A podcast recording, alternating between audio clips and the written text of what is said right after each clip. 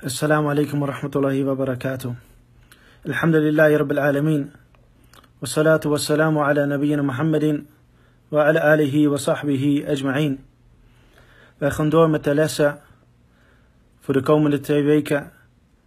is de vierde les in de behandeling van het boek Uitleg van de hadith Jibril.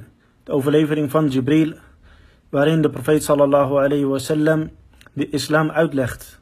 Op vraag van Jibril, de engel Jibril alayhi salam, die kwam naar de profeet sallallahu alayhi wasallam en hij vroeg hem over de fundamenten van de religie. Waarop de profeet sallallahu alayhi wasallam de religie verduidelijkte. En we hebben de eerste vraag van Jibril. Daar zijn we uh, mee bij beland. En dat is dat Jibril alayhi salatu wassalam vroeg aan de profeet sallallahu alayhi wasallam wat is, wat is al-islam, wat is de islam? Of vertel mij over de islam en dat de profeet sallallahu alayhi wasallam verduidelijk heeft dat de islam de getuigenis is dat niets het recht heeft aanbeden te worden dan Allah en dat Mohammed zijn boodschapper is. En het verrichten van het gebed en het geven van de zakah, de armenbelasting en het vasten van de ramadan en het verrichten van de wedervaart voor degene die daartoe in staat is. En in de vorige les hebben we besproken wat de betekenis is van de, de getuigenis La ilaha illallah. En dat betekent dat niets het recht heeft aanbeden te worden dan Allah, dat je dat getuigt. Je getuigt dat met je tong en met je hart en met je daden. Je aanbidt geen ander dan Allah subhanahu wa ta'ala. En de getuigenis dat je gelooft en ervan overtuigd bent en dit uitspreekt met je tong. Dat Mohammed sallallahu alayhi wasallam de boodschapper is van Allah subhanahu wa ta'ala, gezonden met de islam. En dat wij hem navolgen en gehoorzamen in wat hij ons opdraagt. En wij geloven in hetgeen dat hij ons heeft gebracht. Wij geloven in de Koran, wij geloven in zijn sunnah. En wij geloven in zijn sharia, zijn geboden en verboden. Dat is onze religie. En wij voegen hier niets aan toe. En we halen hier ook niets van af. Wij volgen hem zoals hij met de religie gekomen is. En dat was de vorige les. En er is nog een klein deel hier om aan toe te voegen. En dat is dat de profeet sallallahu alayhi wasallam hij is gezonden met een rahma. Hij is rahmatan lil alamin. De islam in zijn geheel is een rahma, is barmhartigheid voor de hele, hele mensheid en voor de hele wereld, al-alamin. En al-alamin is al het andere dan Allah subhanahu wa ta'ala. Al het geschapene, al de schepselen van Allah subhanahu wa ta'ala, dat zijn al-alamin. Dus het handelen naar de sharia van de profeet sallallahu alayhi wasallam en zijn leiding en zijn sunnah is een rahma en is geen adab, is geen bestraffing. En het is makkelijk voor degene die zijn intentie oprecht maakt en zichzelf hieraan uh, probeert te, te houden. En zichzelf probeert te wennen aan, aan het volgen van de profeet sallallahu alayhi wasallam. In de fundamenten van de religie en in de kleine zaken. Want het is allemaal baraka en rahma van Allah. Allemaal zegeningen en barmhartigheid van Allah subhanahu wa ta'ala.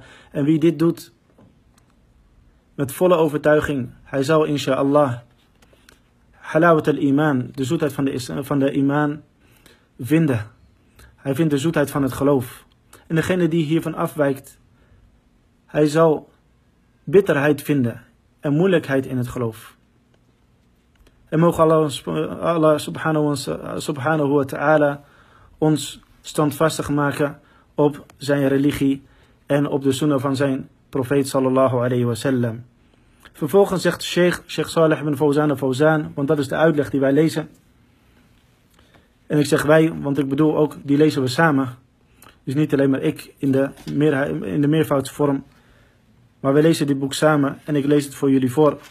De sheikh zegt: فهذه بعض معاني شهادة أن لا إله إلا الله وأن محمد رسول الله. En dit zijn enkele van de betekenissen, of een deel van de betekenissen van La ilaha illallah, Muhammad Rasulullah, van de getuigenis. كالذي أو كذلك الذي يشهد أن لا إله إلا الله ثم يعبد غير الله كحالة المشركين اليوم الذين يدعون الإسلام وهم يعبدون القبور والأضرحة أولئك لا تصح شهادتهم بأن لا إله إلا الله لأنهم ناقضوا لأنهم ناقضوها بشرك. فهم, يتلف فهم يتلفظون بالله إله إلا الله ولكن العمل على خلافها. فيعبدون غير الله ويدعون غير الله ويستغيثون بالأموات فهؤلاء لم يشهدوا أن لا إله إلا الله حقا ولم يدخلوا في الإسلام لأنهم يتناقضون De sheikh hier, hafidallahu ta'ala, hij zegt, en degene ook, of ook degene die getuigt dat la ilaha illallah, dat er geen godheid is, of geen, dat er niets is dat het recht heeft aanbeden te worden dan Allah. Vervolgens bidt hij een ander dan Allah. Zoals de toestand is van, van de mushrikeen, van de afgodendienaren. Van afgoden van mensen vandaag de dag die zich toeschrijven aan de islam. Ze claimen dat zij moslims zijn. En zij aanbidden de graven en de mausoleums de mausoleums, de graftommen die gebouwd zijn op de, op de graven van, van wat ze noemen heiligen. Ze aanbidden deze zogenaamde overleden heiligen. En ze aanbidden deze, deze. En ze verrichten daar daden van aanbidding, zoals de salah of een daad van, van offering. Of ze verrichten daar tawaf, de rondgang. Of ze geven sadaqa, met, de intentie dat het voor deze, dat het voor deze adriha, of dat het voor deze deze graftombes is, etcetera, etcetera. Zij aanbidden in wezen een ander dan Allah. Zelfs als zij zeggen, La ilaha illallah. Dus ze gaan hun, ze zijn tegenstrijdig met wat zij zeggen. Dus hun, hun daden zijn tegenstrijdig met hun, met hun shahada, met hun getuigenis. Ze aanbidden een ander dan Allah en ze roepen ander dan Allah aan. Ze zeggen ja, fulan. Ze zeggen ja, fulan. Ze zeggen ja, wali, ja, wali. Geef mij dit en geef mij dat. Of vergeef mij. En dit is niet van de islam, dit is niet de lering van de islam, dit is niet de betekenis van la ilaha illallah. De betekenis van la ilaha illallah is dat je niets aanbidt behalve Allah subhanahu wa ta'ala. Dat je de aanbidding alleen voor Allah subhanahu wa ta'ala maakt. Je roept een, alleen Allah subhanahu wa ta'ala aan en geen ander. Je roept Allah aan om jou te vergeven en om jou risk voorziening te geven. En om jou te helpen en om jou Jannah te laten binnengaan. En dat is de islam en dat is de betekenis van shahadat, la ilaha illallah. En het is eigenlijk zo vanwege deze tegenstrijdigheid van deze mensen ondanks dat ze zich toeschrijven aan de islam, dat zij eigenlijk niet de ware islam zijn binnengetreden. Het is alsof ze niet op de islam, of alsof ze niet de islam zijn binnengetreden. Ze zijn nog op dezelfde religie van de polytheïsten, van de afgodendienaren, waar de profeet sallallahu alayhi wasallam naar gezonden werd. De afgodendienaar van Quraysh. Zij riepen anderen dan Allah aan. En zo is het ook met deze, deze mensen in het algemeen. En ik heb het niet over specifieke individuen. Want het oordeel over een specifiek individu is een hele andere zaak. We hebben het hier over, over het algemeen. Als zijnde een, een groep of mensen die dit zouden doen. En zo ook de betekenis van Ashadu anna Muhammad Rasulullah, de betekenis dat Mohammed sallallahu alayhi wa sallam de boodschapper is van Allah en gezonde met de leiding van Allah en de noor, het licht van Allah subhanahu wa ta'ala. Dat betekent niet dat je hem aanbidt. Dat betekent niet dat je hem als een godheid ziet en hem aanroept in jouw gebeden. Dat betekent niet dat je voor hem neerknielt in sujud. Dat betekent niet dat je hem op, dezelfde, op hetzelfde niveau plaatst met Allah subhanahu wa ta'ala in jouw aanbiddingen en in jouw, in jouw ta'adim, jouw verering. De profeet sallallahu alayhi wasallam is een nobele profeet. Hij heeft ons verboden om hem boven zijn niveau te verheffen. Hij zei, laat dat roni. Kama atro en Nasara Isa ibn Maryam. Verhef mij, boven niet, verhef mij niet boven mijn rang, boven mijn niveau. Van zijn de profeet. Zoals de christenen, Isa ibn Maryam, Jezus de zoon van Maryam, hebben verheven boven zijn status en boven zijn rang. En we weten allemaal wat de christenen doen. Zij aanbidden Jezus. En ze vragen in de naam van Jezus. En ze eten in de naam van Jezus. En ze vragen vergiffenis in de naam van, van, van Jezus. En ze zeggen zelfs, Jezus is God. Of ze zeggen, hij is de zoon van God. Of hij is Thalith van Thalatha. Een van de drie, de drie, drie eenheid. En ze zijn eigenlijk één. Wij zeggen dit niet over de profeet sallallahu alaihi wasallam, wij geloven dat niet. De profeet sallallahu alaihi wasallam is de beste van, van de schepping. Maar hij is niet gelijk aan Allah subhanahu wa ta'ala. Hij is de boodschapper van Allah. En hij is een mens gezonden met de boodschap van Allah subhanahu wa ta'ala. Allah heeft hem begunstigd met deze boodschap. En heeft hem begunstigd met prachtige en mooie eigenschappen. Zoals het betaamt voor een goede boodschapper. Voor degene die gekozen is voor het overbrengen van de boodschap van Allah subhanahu wa ta'ala. Hij was de beste onder de mensen. Maar hij was geen godheid. We roepen hem dus niet aan. En we vragen hem niet om vergiffenis. En we vragen hem niet om voorziening. En we vragen hem niet om, om kinderen. Of om rijkdom. Of om andere zaken. De profeet sallallahu alaihi wasallam. Wij geloven in hem. In de zin dat hij de boodschapper van Allah subhanahu wa ta'ala was. En wij eerbiedigen hem. Als zijn de boodschapper van Allah subhanahu wa ta'ala. Maar Allah subhanahu wa ta'ala, hij is de schepper. En hij is de voorziener. En hij is degene die laat leven en doet sterven. Hij is degene die gaat over alle zaken. Hij is degene die gaat over Yawm al-Qiyamah, over de dag des oordeels. En hij is degene die zal oordelen over jouw daden. En hij is degene die jou zal vergeven. En hij is degene die jou kan, kan bestraffen. En hij is degene die jou de hemel doet binnengaan of jou in de hel kan laten verdwijnen. Dat is Allah subhanahu wa ta'ala, niet de profeet sallallahu alayhi wa sallam. En vervolgens, na deze uitleg van de getuigenis dat la ilaha en dat is belangrijk, want jouw religie is gebouwd op deze getuigenis la ilaha Iemand wordt geen moslim behalve met deze getuigenis la ilaha Muhammad Rasulullah. Vervolgens gaan we verder met de andere zuilen van, van de islam. De andere pilaren van de islam, de arkaan al-islam. En dat zijn er Naast deze getuigenis zijn dat er vier. De eerste is het gebed, de tweede is de zakah. Of we zeggen natuurlijk naar de getuigenis, de getuigenis is de eerste. Vervolgens het gebed, de tweede. De zakah, de derde. Het vasten van de maand Ramadan, de vierde. En vervolgens de bedevaart is de vijfde.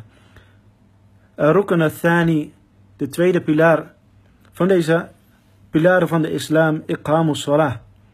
Het verrichten of het onderhouden van het gebed. Liqawlihi sallallahu alayhi wa sallam. Zoals de profeet sallallahu alayhi wa sallam zei in deze overlevering, de overlevering van Jibril, wat tuqima salah. Ey, dat zegt de sheikh, Sheikh Saleh ibn Fawzan al-Fawzan, hafidhahu ta'ala, ey tuaddi as-salawat al-khamsi al-mafrudata fil yawmi wal layla. Dat je de vijf dagelijkse verplichte gebeden in de dag en de nacht dat je die verricht. En deze gebeden dat zijn al-Fajr, en Dhuhr, en al-Asr, en al-Maghrib, en al-Isha. De vijf gebeden, de vijf verplichte gebeden die de moslim dient te bidden op een dag. En dit zijn de verplichte gebeden. Het is niet toegestaan voor een moslim om een van deze gebeden te laten. Hij zegt, ik bid alleen in de avond, want in de ochtend ben ik moe. Of in de middag zit ik op mijn werk en s'avonds heb ik even tijd, dus ik bid alleen s'avonds. De moslim, hij probeert al zijn gebeden te bidden. En dit is een verplichting op hem. Maar het verrichten van deze gebeden, wat is de betekenis daarvan? Zoals we zeggen, Ma ma'na tuqimuha. Wat is de betekenis van het verrichten of onderhouden ervan? لأنه ما قال وأن تصلي أو ما قال وأن تصلي إنما قال تقيم الصلاة De profeet sallallahu alaihi wasallam, hij zei niet dat je bidt. De islam is dat je getuigt dat la ilaha illallah Muhammad Rasulullah is en dat je bidt. Nee. Hij zegt dat je het gebed, hij zegt iqamat salah, tuqim salah. En dat betekent in de Arabische taal dat je, deze, dat je dit gebed onderhoudt. En dat je deze verricht op de beste wijze. لأن المقصود إقامة الصلاة het onderhouden van het gebed en het verrichten van, de, van het gebed op de beste wijze. Surat as-salati fakat. Het is niet de bedoeling, of de bedoeling is hier niet dat je bidt of het gebed in zijn vorm, of enkel in zijn vorm, als een uiterlijke vorm. Een soort beweging of, of als een soort van eh, oefening. Een lichamelijke oefening. Het gebed is geen lichamelijke oefening. Van staan en buigen en knielen. En weer opstaan Het gebed is wat? Het gebed فتقيم الصلاة بأن تأتي بما كما جاء به ما جاء بها النبي صلى الله عليه وسلم لقوله صلى الله عليه وسلم صلوا صلوا كما رأيتموني أصلي De betekenis is dat je het gebed verricht zoals de profeet sallallahu alayhi wasallam dit heeft verricht. Dat je dit gebed verricht op de manier waarop de profeet sallallahu alayhi wasallam dit aan ons heeft, heeft laten zien. Zoals de profeet sallallahu alayhi wasallam ons heeft opgedragen in een overlevering. Hij zegt, Sallu kama ra'aytumuni usalli. Verricht het gebed zoals jullie mij hebben, hebben zien bidden. فالذي رآه بعينه يقتري به. En degene die de profeet sallallahu alayhi wasallam van de sahaba, van de metgezellen heeft zien bidden. Hij volgt de profeet sallallahu alayhi wasallam in hoe hij dat heeft gezien van de profeet sallallahu alayhi wasallam. والذي بلغه خبره وأحاديثه صحيحة يمتثل ويصلي كما في الأحاديث الصحيحة التي بلغت. En degene die de profeet sallallahu alaihi wasallam niet heeft gezien, dat, dat is iedereen na de dood van de profeet sallallahu alaihi wasallam, waaronder wij zelf. Hoe bidden wij, of hoe volgen wij deze manier op? Wat doen wij met verricht het gebed zoals jullie mij het gebed hebben zien verrichten? Hoe doen wij dat? Wij volgen de overleveringen van de profeet sallallahu alaihi wasallam, de authentieke overleveringen. En wij volgen die en brengen die in de praktijk. هذا من إقامة الصلاة أن يصلي على صفة التي كان النبي صلى الله عليه وسلم يؤدي الصلاة بها ولا يزيد من عنده أو ينقص من منها En dit is, de, dit is de bedoeling van het verrichten van het gebed, iqamat is salah. Dat je bidt op de manier waarop de profeet sallallahu alayhi wasallam heeft gebeden. En dat je niets daaraan toevoegt uit jouzelf. En dat je daar niets van weglaat uit jijzelf. Wij voegen niks toe aan het gebed. En wij halen er ook niks van af. Wij proberen te bidden zoals wij weten van de profeet sallallahu alaihi wasallam dat hij, hoe hij bad. Dat wij de overlevering, de authentieke overleveringen van de profeet sallallahu alayhi wa sallam volgen en in de praktijk brengen. Dat is iqamat is-salah. وكذلك من إقامة الصلاة أن يصليها أن يصليها في الوقت الذي حدده الله لها. En de betekenis het iqama salah, het verrichten van het gebed, op de manier waarop de profeet sallallahu alayhi wa sallam dat heeft gedaan, is ook dat je bidt op de tijden die Allah subhanahu wa ta'ala daarvoor heeft vastgesteld. Zoals Allah subhanahu wa ta'ala zegt in de, in de Koran. Inna salata kanat ala mu'minina kitaban mawquta. Voorwaar, het gebed is op de gelovigen verplicht gesteld, op bepaalde tijden. Dus het verrichten van het gebed op de tijden waarop Allah subhanahu wa ta'ala dit gebed verplicht heeft gesteld, dat is van iqamat salah. Fala yukhrijuha an waqtiha. En wij maken of wij verrichten deze gebeden niet buiten hun tijd. وقد سئل النبي صلى الله عليه وسلم أي الأعمال أحب إلى الله En de profeet sallallahu alayhi wa sallam, hij werd gevraagd, welke daden zijn het meest geliefd bij Allah? Waarop de profeet sallallahu alayhi wa sallam zei, as-salatu li waqtiha, het gebed op zijn tijd. وأما من يتصرف ويصلي على هواه متى ما أراد ومتى ما قام من نومه أو فرغ من شغله فهذا الصلاة غير صحيحة En degene die, die het niet zo nauw neemt met het gebed en hij bidt wanneer het hem uitkomt. Wanneer hij wakker wordt of wanneer hij klaar is met zijn werk, dan bidt hij pas. Zijn gebed is niet correct, want zijn gebed is niet volgens het gebed van de profeet sallallahu alayhi wasallam. De profeet sallallahu wasallam zegt: Sallu kama ra'aytumuni usalli. Verricht het gebed zoals, ik, zoals jullie mij hebben zien bidden. En Allah subhanahu wa ta'ala zegt: Inna salata kanat ala mu'minina kitaban mawquta. Het gebed is zeker op de gelovigen bepaald of vastgesteld of verplicht gesteld op een bepaalde tijd. Dan is het niet aan ons om dit gebed uit te stellen. Of zelfs voor de tijd te bidden. Wij bidden op de, op het, op de, op het tijdstip waarop Allah subhanahu ta'ala ons heeft geboden dat wij moeten bidden. En deze tijden, walhamdulillah, die zijn niet één minuut of twee minuten of drie minuten. Deze tijden zijn wasja, zijn ruim. Dus je moet het gebed verrichten binnen deze tijden. En de beste tijd is de begintijd. Behalve voor Salat al-Isha.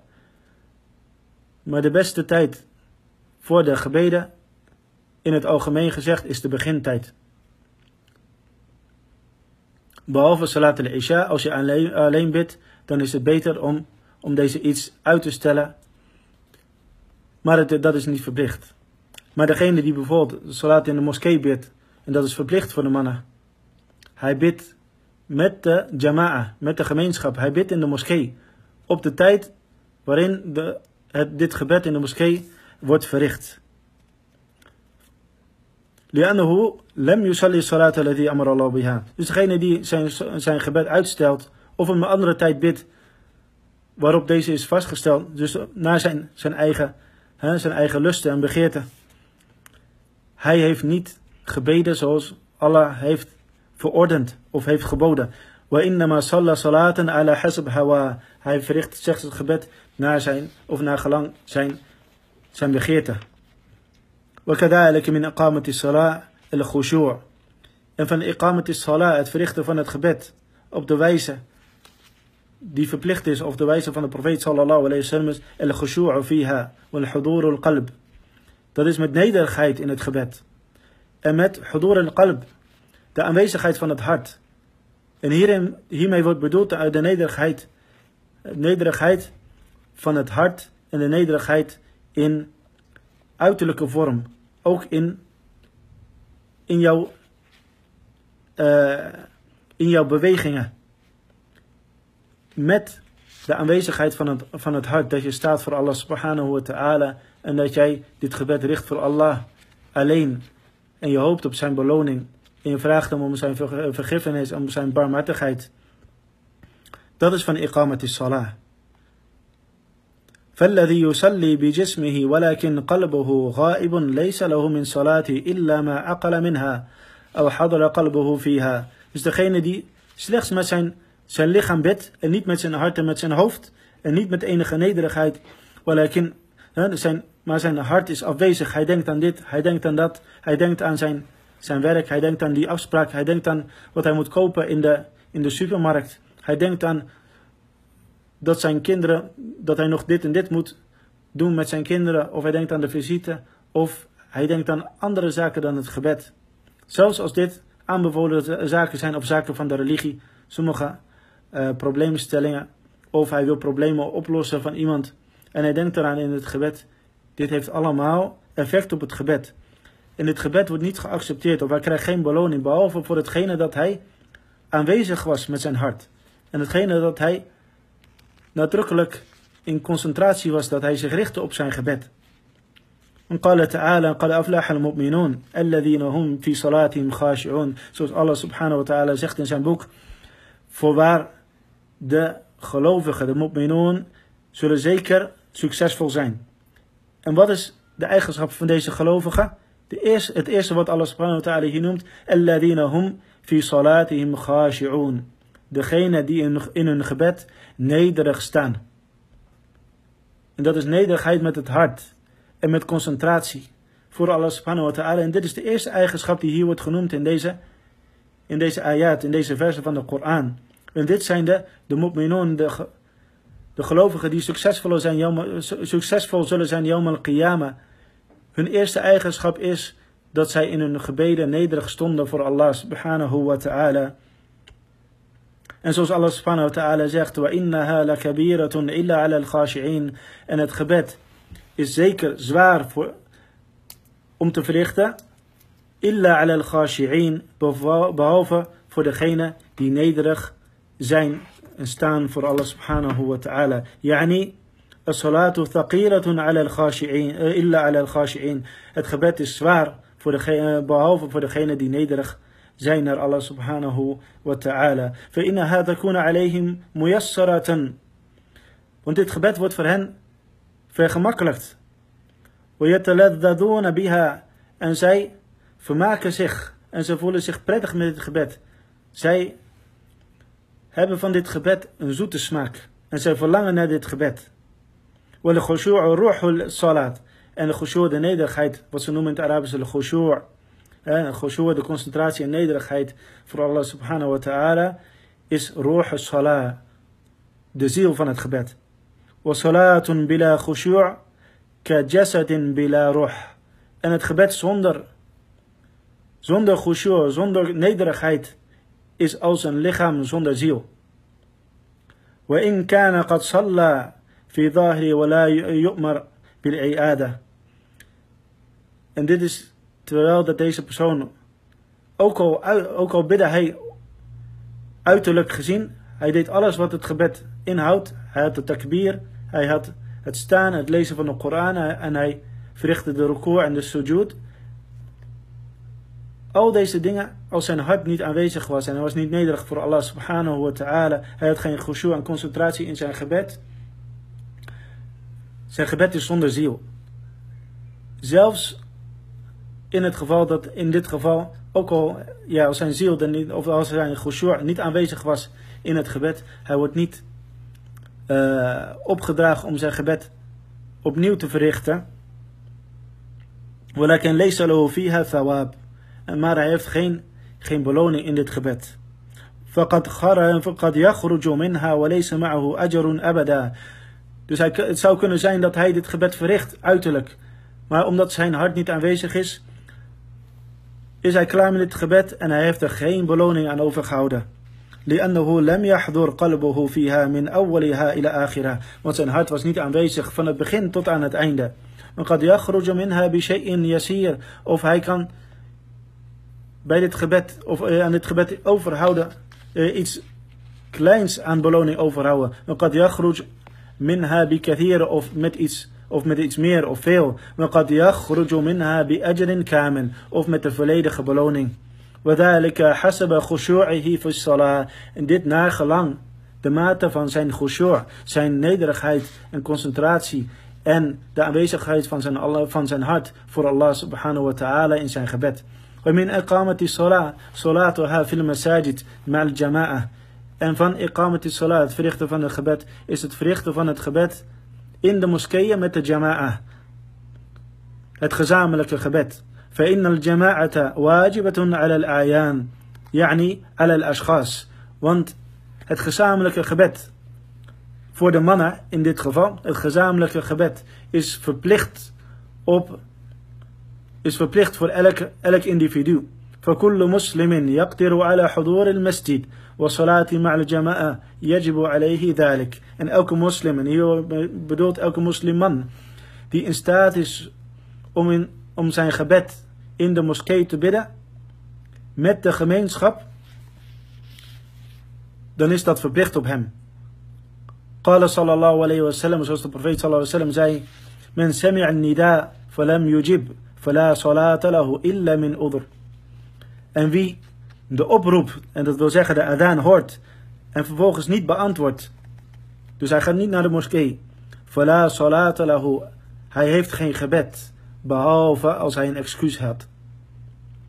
En dat wil zeggen, ولو كان كل واحد يصلي في مكانه En als iedereen op zijn eigen plek zou bidden, of hier of in zijn huis, falimada shura al-adhan, waarom is het dan dat, er, dat wij zijn opgedragen in de sharia van Allah subhanahu wa ta'ala om de adhan te verrichten? Waarvoor is dan de adhan? De, de gebedsoproep. Die klinkt vanaf de minaretten of die klinkt in de moskeeën of van het, vanaf de daken van de moskeeën of via de luidsprekers. En het gaat hier in principe om de mensen die, de mannen die, die de gebedsoproep, uh, de adaan kunnen horen, zonder een, een geluidsinstallatie. Uh, maar degene die dit kunnen horen, فَلِمَاذَا شُرِعَ أَنْ يَقُولَ مُؤَذِّن Waarom zegt de muadzin in zijn adaan, hij zegt hayya ala salah, hayya ala al-falah.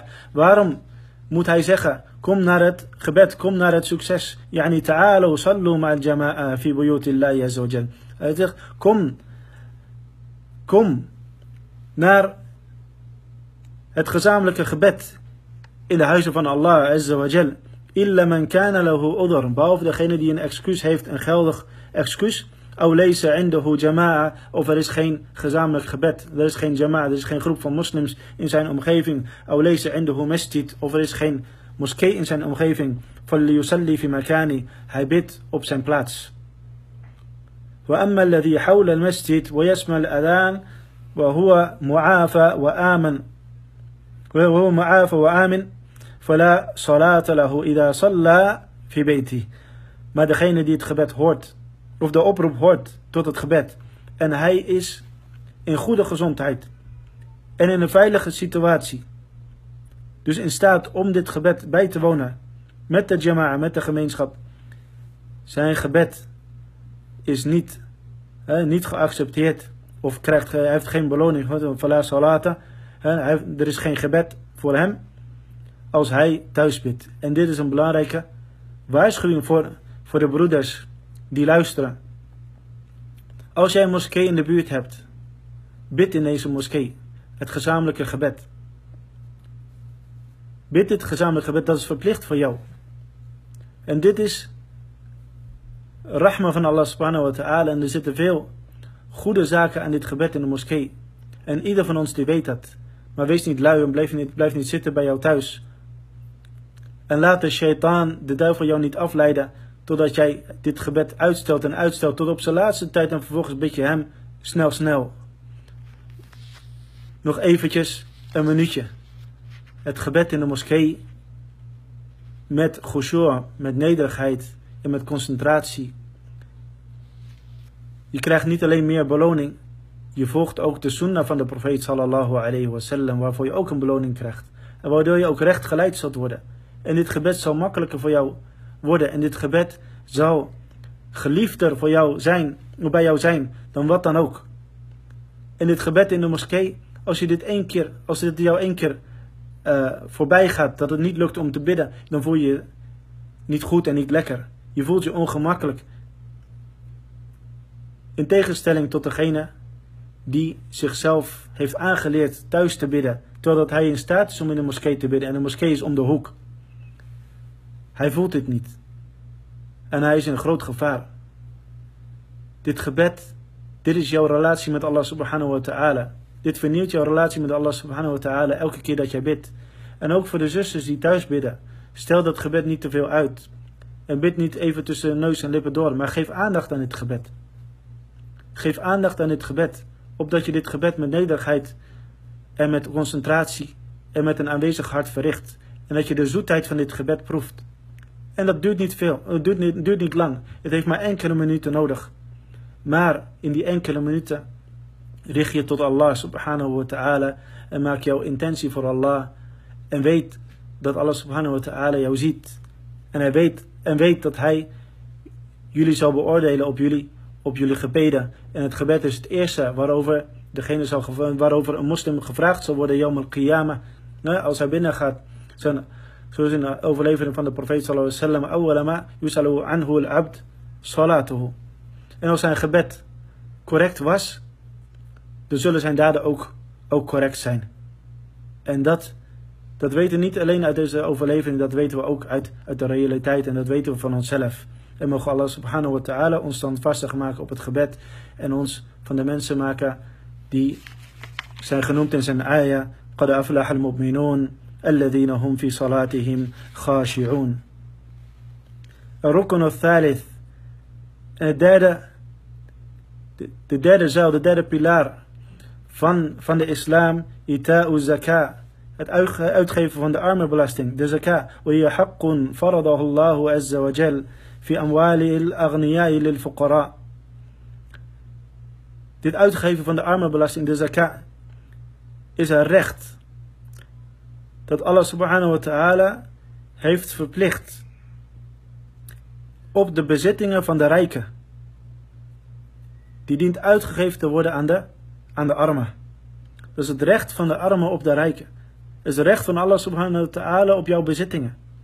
Wanneer jij een bepaald uh, vermogen hebt bereikt, dan is het verplicht om jou, voor jou om deze zakat te geven. En die geef je aan degene die, die dat nodig hebben, aan de behoeftigen en de armen. En je geeft dat, je geeft dat aan, mensen. En dat is, dat is niet dat jij daar arm voor armer van wordt. Want Allah subhanahu wa zal jou meer geven. En zal, jou, zal ook jou, jouw bezittingen vermeerderen. En zegeningen geven in jouw vermeerderingen. Dus je zult nooit arm worden. Dus wees niet, wees niet gierig. En geef dit uit. Zodra je weet dat jij verplicht bent om de zakat te geven. En dat jouw bezitting, jouw vermogen meer is dan de nisab. Een, bepaalde, een bepaald niveau. Zoals bekend is in de boeken van fiqh, van jurisprudentie over de zakat. Geef dit uit. Geef dit uit met, met heel jouw hart. En je wil de beloning van Allah subhanahu wa ta'ala. En daarmee bereik je ook zegeningen in, jou, in jouw bezit. En Allah subhanahu wa ta'ala zal jouw bezittingen in jouw vermogen vermeerderen.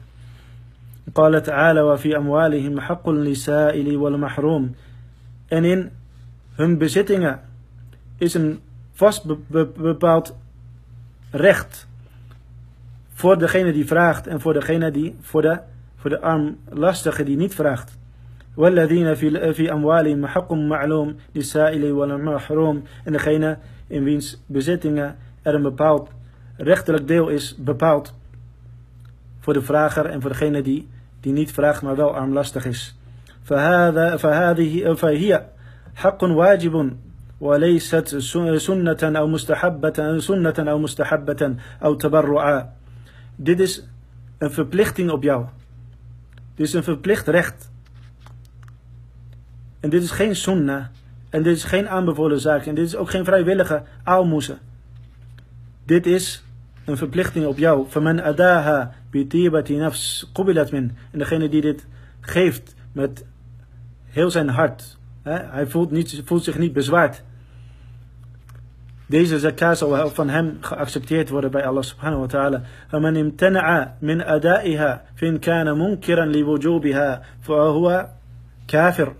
En degene die dit, die zich hiervan houdt. Hè, en deze zakat niet uitgeeft. Als hij dit ontkent, of hij ontkent dat het verplicht is voor de moslim om deze zakat uit te geven, dit is kufr.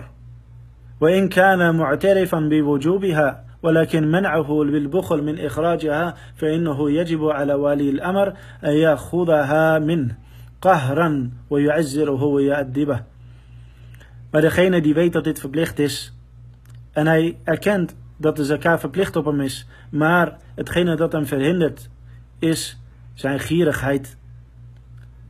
Deze persoon, het is toegestaan of het is voor de voor de leider, de moslimleider in een land, om deze zakat te innen.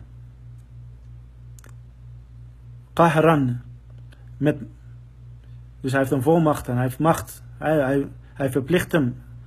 Hij verplicht hem om deze zakat uit te geven en hij bestraft hem. En dat is in een, in een moslimland.